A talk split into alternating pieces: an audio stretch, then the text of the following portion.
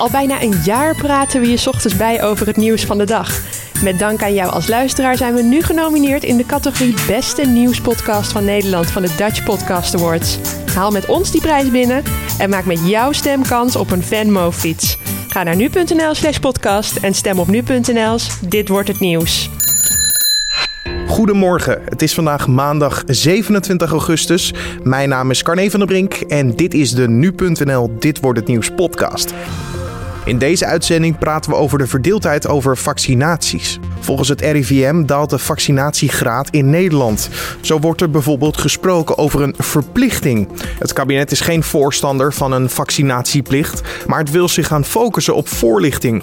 Wij praten erover of dat zin heeft. Uh, zo kan het dus zijn dat uh, informatie vanuit de RIVM of vanuit de overheid, uh, met alle goede bedoelingen van, de, van die natuurlijk, wordt uitgezonden naar de mensen in de samenleving, naar die antivaxers, maar radicaal wordt verworpen.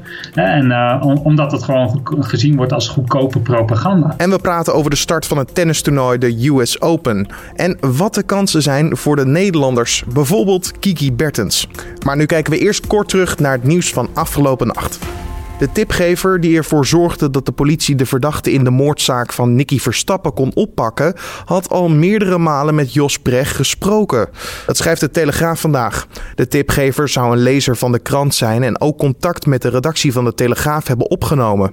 Toen bekend werd dat Brecht werd gezocht, heeft de tipgever de politie ingeschakeld. De Belgische politie is op zoek naar twee belangrijke getuigen van de schietpartij waarbij een politieagent omkwam in Spa. De mannen zaten in dezelfde taxi als de schutter, maar hoorde niet bij hen. Het zou gaan om Europese mannen tussen de 25 en 30 jaar. De paus weigerde zondagavond in te gaan op beschuldigingen dat hij misbruik zou hebben stilgehouden. De beschuldigingen werden geuit door een aartsbisschop en gaan over misbruik van een Amerikaanse oud-kardinaal. De stijging van het aantal door auto's gereden kilometers in Nederland is afgenomen in 2017. Dat blijkt uit cijfers van het Centraal Bureau voor de Statistiek. Vooral dieselauto's reden minder dan in 2016. Elektrische auto's en bedrijfsauto's zijn wel meer gaan rijden. En dan kijken we naar de dag van vandaag, oftewel dit wordt het nieuws. Je kinderen en jezelf inenten of juist niet. De meningen zijn erover verdeeld, zo verdeeld dat de politiek zich er ook in mengt. Het RIVM heeft namelijk bekendgemaakt dat de vaccinatiegraad in Nederland is gedaald. Het kabinet focust zich nu op voorlichting en niet op een verplichting. Alleen waar komt deze verdeeldheid vandaan? Dat heeft hoogleraar cultuursociologie aan de Universiteit Tilburg Peter Achterberg uitgezocht. Aan hem de vraag hoe het komt dat de vaccinatiegraad is gedaald in Nederland? Nou ja, kijk, ik, ik denk dat het uh, te maken heeft met uh, dat vroeger um, uh, vooral een bepaalde groep tegen vaccinaties was. En dat waren dan heel streng gelovigen. En dat tegenwoordig dit anti-vaccinatiedenken en twijfel aan de effectiviteit en of we dat wel zo moeten doen, dat het ook om zich heen slaat onder groepen, seculiere groepen die voorheen eigenlijk altijd braaf vaccineren. Waar, waardoor komt dat dan? Nou, um, kijk, um, waar, waar kijk, die christenen duidelijk vanuit een uh, bepaald christelijk vertoog uh, minder uh, geneigd zullen zijn om zich te laten vaccineren. zie je ook onder seculieren plaatsvinden, maar dan niet vanuit die christelijke waarden, want die, die omarmen ze dan natuurlijk niet, maar vanuit een soort reflexief denken. Hè? En wat je dan ziet, en dat zie je eigenlijk altijd terug uh, bij mensen die openlijk uh, beginnen te twijfelen aan de effectiviteit of aan de gezondheid van vaccinaties. Is dat al het lijden, alle risico's, alle ellende waar we tegenwoordig nog maar mee geconfronteerd worden, dat dat eigenlijk ook maar gewoon veroorzaakt is door de mens zelf en door menselijk ingrijpen en door technologisch ingrijpen. en dan, dan, kan je kijken naar de klimaatverandering, wat door de mens is veroorzaakt. Je kan kijken naar aardbevingen die in eh, Groningen zijn veroorzaakt eh, door, eh, door de mens, door, door gas uit de bodem te pompen. maar je kan ook kijken naar allerlei ja, vervelende bijwerkingen van medicijnen en dus ook van vaccinaties. En um, deze mensen maken zich daar enorme zorgen over. Dus ze willen, ze willen heus niet ziek worden en de mazelen krijgen. Uh, maar ze willen niet uh, dat, dat uh, de cure, hè, dus het geneesmiddel, slechter is dan de kwaal zelf. Hè? En dat daar dus allerlei vervelende of nog mogelijk onbekende bijwerkingen aan zijn. En dat willen ze gewoon niet. En daardoor ja, schuwen ze dit soort vaccinaties wat, wat gemakkelijker. Maar dat heeft te maken natuurlijk met het feit welke informatie jij tot je neemt, neem ik aan. Want als je in deze tijd een, ja, een griepje hebt, dan 9 van 10 mensen gaan gelijk op Google kijken wat ermee aan de hand is in plaats van naar een dokter. Niet, niet heel lang geleden had ehm, ehm, mijn eh, dochter had een uh, kwaaltje. Ik ging naar de dokter samen met mijn vrouw en, en mijn dochter. Maar ja, wat is dat nou? En toen zei die dokter, het, kan, eh, het kunnen drie dingen zijn. Nou, het eerste, niet erg, dit en dat. Het tweede, niet erg, dit en dat. Het derde, ja, ga, het, ga deze term nou niet googlen thuis, zei ze. het kan ook dit zijn, hè. Dus ja, wij thuis natuurlijk meteen googlen. dat gaat dan zo. Kijk, en um, zeg maar, de toegang tot bepaalde informatie... Um, ja, de, die is enorm uh, makkelijk geworden via internet, uh, via sociale netwerken, via online social media. wordt van allerlei informatie constant met elkaar gedeeld. En wordt het voor mensen ook heel erg makkelijk om ja, gewoon zelfstandig informatie te beginnen te, te zoeken. En dat gecombineerd met wat, wat sociologen ook wel noemen de, het afkalvende vertrouwen in ja, wat voorheen autoriteiten waren. Denk aan de dokter, denk aan politici, denk aan rechters, ehm, eh, denk aan wetenschappers. Ehm, ja, die hebben niet meer een soort van zelfsprekende autoriteit waardoor ze dingen kunnen zeggen en waardoor mensen dat zomaar klakkeloos willen aannemen. Ze willen zelf op onderzoeken uitgaan. Hè. Ze willen zelf, democratisch ingesteld als ze zijn, ook uh, zelf uh, tot uh, bepaalde bevindingen komen. En waarom zouden die eigenlijk slechter zijn dan van die, al die autoriteiten, hè, of die vermeende autoriteit? Dus um, um, wordt het voor hen ja, één stem, hè, dus uh, wat, wat doktoren zeggen of wat het RIVM zegt, wordt één stem uh, te midden van vele andere mogelijke stemmen. En kunnen ze zelf meer gaan kiezen wat, uh, wat zij vinden dat waar is. Hè. Dat zie je dat dan dat, gebeurt. Is dat een slecht iets dat ze in dit geval dan eigenlijk heel zelfstandig te werk gaan? Is dat te nou, zeggen? Ja, ik, uh, in zijn algemeen, kijk, ik ben een cultuursocioloog. Ik vind niks goed. Ik vind niks gek of uh, slecht. Of weet ik, dat maakt mij allemaal niks uit. Kijk, um, um, in zijn algemeenheid valt dat natuurlijk niet te zeggen. Maar zodra er uh, mensen beginnen dood te gaan, dan, dan, kan je het verhaal ophangen dat dat op zich niet zo goed is. dus, um, maar ja, goed, ik ben geen medicus, dus ik kan niet zeggen wat er dan echt waar is of niet.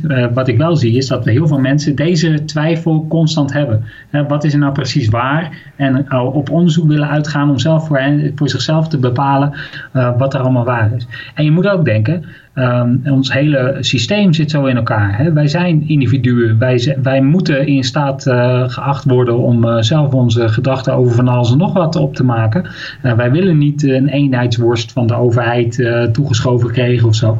Kijk, en als dat gaat om, om het bankwezen en als het gaat om energie en als het gaat om nou, nog eens wat scholen die je moet kunnen kiezen voor je kinderen, waarom kan het dan niet over gezondheid gaan? En mensen trekken gewoon radicaal die lijn door. Hè? En zijn dus heel erg geïndividualiseerd en democratisch bezig ook met dit soort uh, zaken. En als je nu kijkt naar de vaccinaties in Nederland, dat, dat, dat, terugloopt. Het kabinet is daar ook vol mee bezig, in ieder geval met de zorgen daarvan. Ze vinden vaccinaties de beste manier om kinderen te beschermen tegen gevaarlijke besmettelijke ziektes, zo zeggen ze zelf.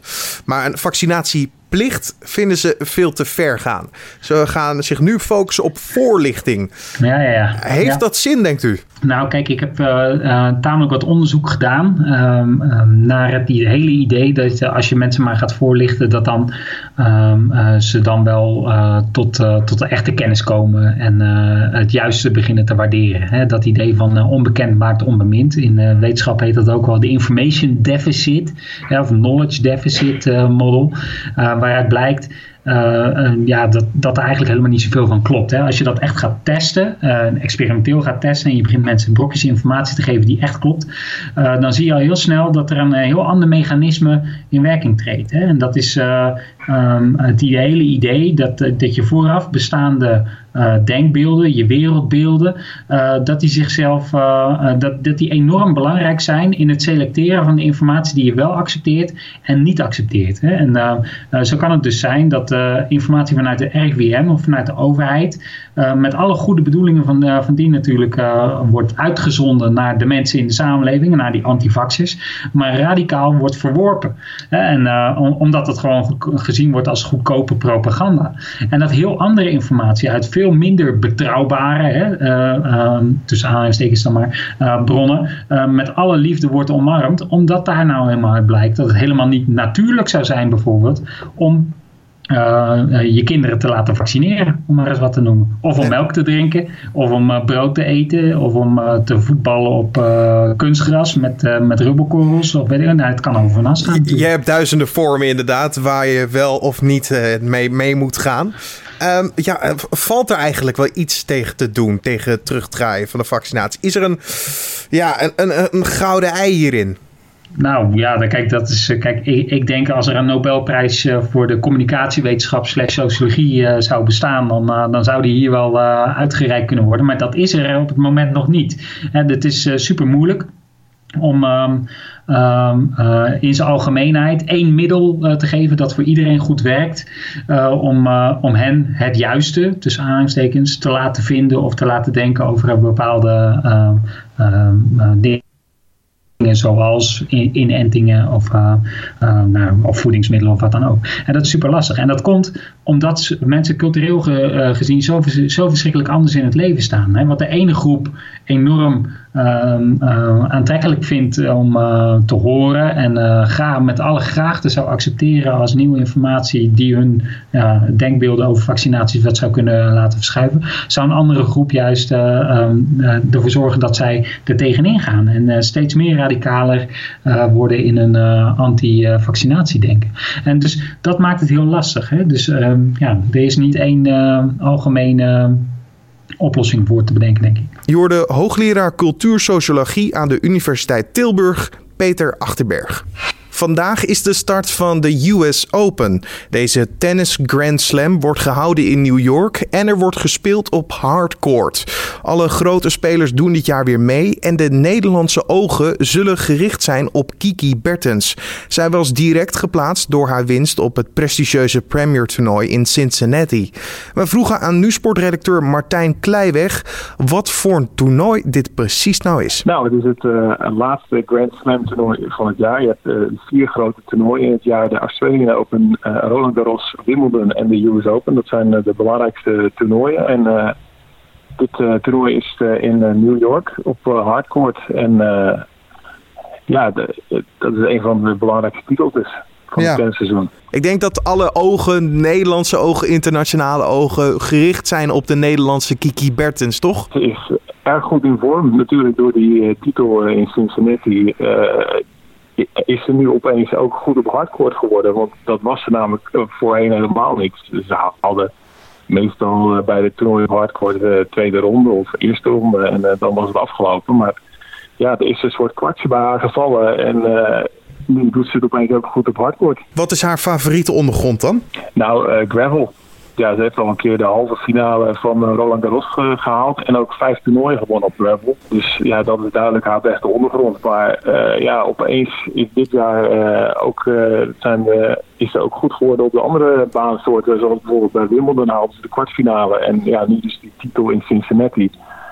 Ja, ik weet niet, het, het, het, eh, het, kwartje is gevallen.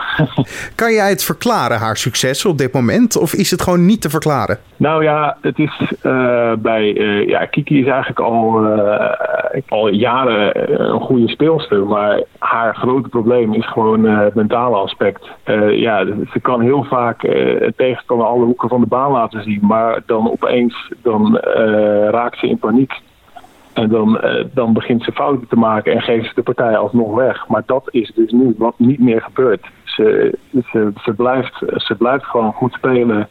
En uh, ook met behulp van haar coach Raymond Sluiter uh, wint ze gewoon ook van top 10 speelsters. En dat lukte eerst nooit. Wat kunnen we verwachten van haar? Nou ja, het is wel goed om uh, te zeggen dat ze nog nooit verder gekomen is dan de tweede ronde bij de US Open. Ze heeft zes keer meegedaan, maar nooit verder gekomen. Um, dus ja, om nou meteen te gaan zeggen dat ze, dat ze favoriet is voor de titel, dat lijkt me wat aan de overdreven kant. Maar uh, ja, ik denk dat we wel mogen verwachten dat ze in ieder geval ja, de vierde ronde haalt. Ze heeft een uh, redelijk uh, goede loting voor de eerste paar rondes. Ze moet tegen de Tsjechische Kristina Pliskova. Dus de nummer 96 van de wereld. en ja, die moet ze toch kunnen hebben. En eh, als we dan verder kijken, ja, dan uh, moeten ze de latere rondes, komt ze op een gegeven moment de Roemeense Buzanescu mogelijk tegen. Nou ja, dat zijn ook geen tegenstanders waar ze normaal gesproken bang te zijn. Dus eh, ja, ik zie het uh, nou ja, voor de eerste week uh, positief in. En daarna is het, wordt het moeilijker. Zij heeft bewezen voor twee weken geleden in Cincinnati dat ze in principe van iedereen kan winnen. Dus ja, het, het wordt interessant. Ja, en als je verder kijkt hè, naar de mannen en de vrouwen, wie zijn op dit moment echt de, de, de grootste kanshebbers? Nou ja, bij de vrouwen denk ik dan toch aan de nummer 1 van de wereld, Simona Halep een Roemeense, die, ja, die is uh, denk ik een van de grootste kanshebbers op de titel. En uh, de titelverdedigster uh, Sloane Stevens. ja, dat zijn wat mij betreft de twee grootste kanshebbers bij de vrouwen. En bij de mannen? En, ja, bij, bij, de mannen, ja, dan kom je toch ook wel weer bij de, de, ja, de standaardnamen uit. Zoals Rafael Nadal als eerste geplaatst. Roger Federer, en uh, ja, Novak Djokovic die heeft uh, natuurlijk Wimbledon gewonnen en uh, is ook Cincinnati was hij de beste. En ja, die lijkt goed in vorm. Dus ik denk dat het een van die drie gaat worden. Je hoorde nu sportredacteur Martijn Kleiweg. De rechter doet vandaag uitspraak over bedreigingen naar verschillende politici. Een 26-jarige verdachte zou driemaal e-mails met bedreigingen naar premier Mark Rutte hebben gestuurd. Daarnaast zou hij van 25 september tot 4 oktober vorig jaar de Tweede Kamerleden Schouten, Dijkgraaf, Rakenmakers en Peters hebben bedreigd met een terroristisch misdrijf. Het OM heeft een celstraf van 120 dagen geëist. En dan kijken we waar onze collega's vandaag over schrijven. De Telegraaf schrijft over bloedbank Sanquin, die gamers benadert om bloed te doneren. Het is een poging om meer jongere donoren te werven. Sanquin heeft samen met de makers van het enorme populaire spel League of Legends een game ontwikkeld om jongeren aan te spreken. De voorzitter van de MBO-raad, Ton Heerts, zegt in het AD dat er geen lange termijnvisie is voor de arbeidsmarkt. Daardoor zitten nu nog veel mensen werkeloos thuis die tijdens de crisis zijn ontslagen. Heerts vindt dat de overheid hier wat aan moet doen. En dan nog even het weer. In de middag blijft het regenachtig, maar vanaf de middag neemt de zon het grotendeels over. In het zuiden wordt het maximaal 22 graden en aan de kust wordt het niet warmer dan 18 graden. En dan nog dit. Andere leden van het kabinet waren overrompeld toen minister Erik Wiebes aankondigde dat de gaswinning bij Groningen zou gaan stoppen. Dat vertelde de minister in het programma Zomergasten. Hey, Zo'n beslissing, dit is misschien wel, misschien is het wel de grootste beslissing uit deze kabinetsperiode. Gewoon de gaskraan dicht. En daar gaat een proces aan vooraf wat zeer zwaar is. Kijk, ik heb hier radicaal op ingezet. Dit hebben mijn collega's ook niet verwacht, dat ik dit zou doen. Volgens Wiebes is het een besluit dat niet kan worden teruggedraaid. Ook zal de schade van de gaswinning voor eeuwig worden vergoed. Dit was dan de Dit Wordt Het Nieuws podcast voor deze maandag 27 augustus. Je vindt deze podcast natuurlijk elke maandag tot en met vrijdag om 6 uur ochtends op de voorpagina van nu.nl. Je kan ook nog steeds stemmen op de Dutch Podcast Awards. En dan op deze podcast, de Dit Wordt Het Nieuws podcast. Help ons die prijs te pakken. En je maakt dan ook gelijk kans op een, een nieuwe fiets. Ga naar nu.nl slash podcast. En mocht je nog feedback hebben voor deze podcast, dat kan natuurlijk ook altijd via feedback.nu.nl of natuurlijk een recensie op iTunes.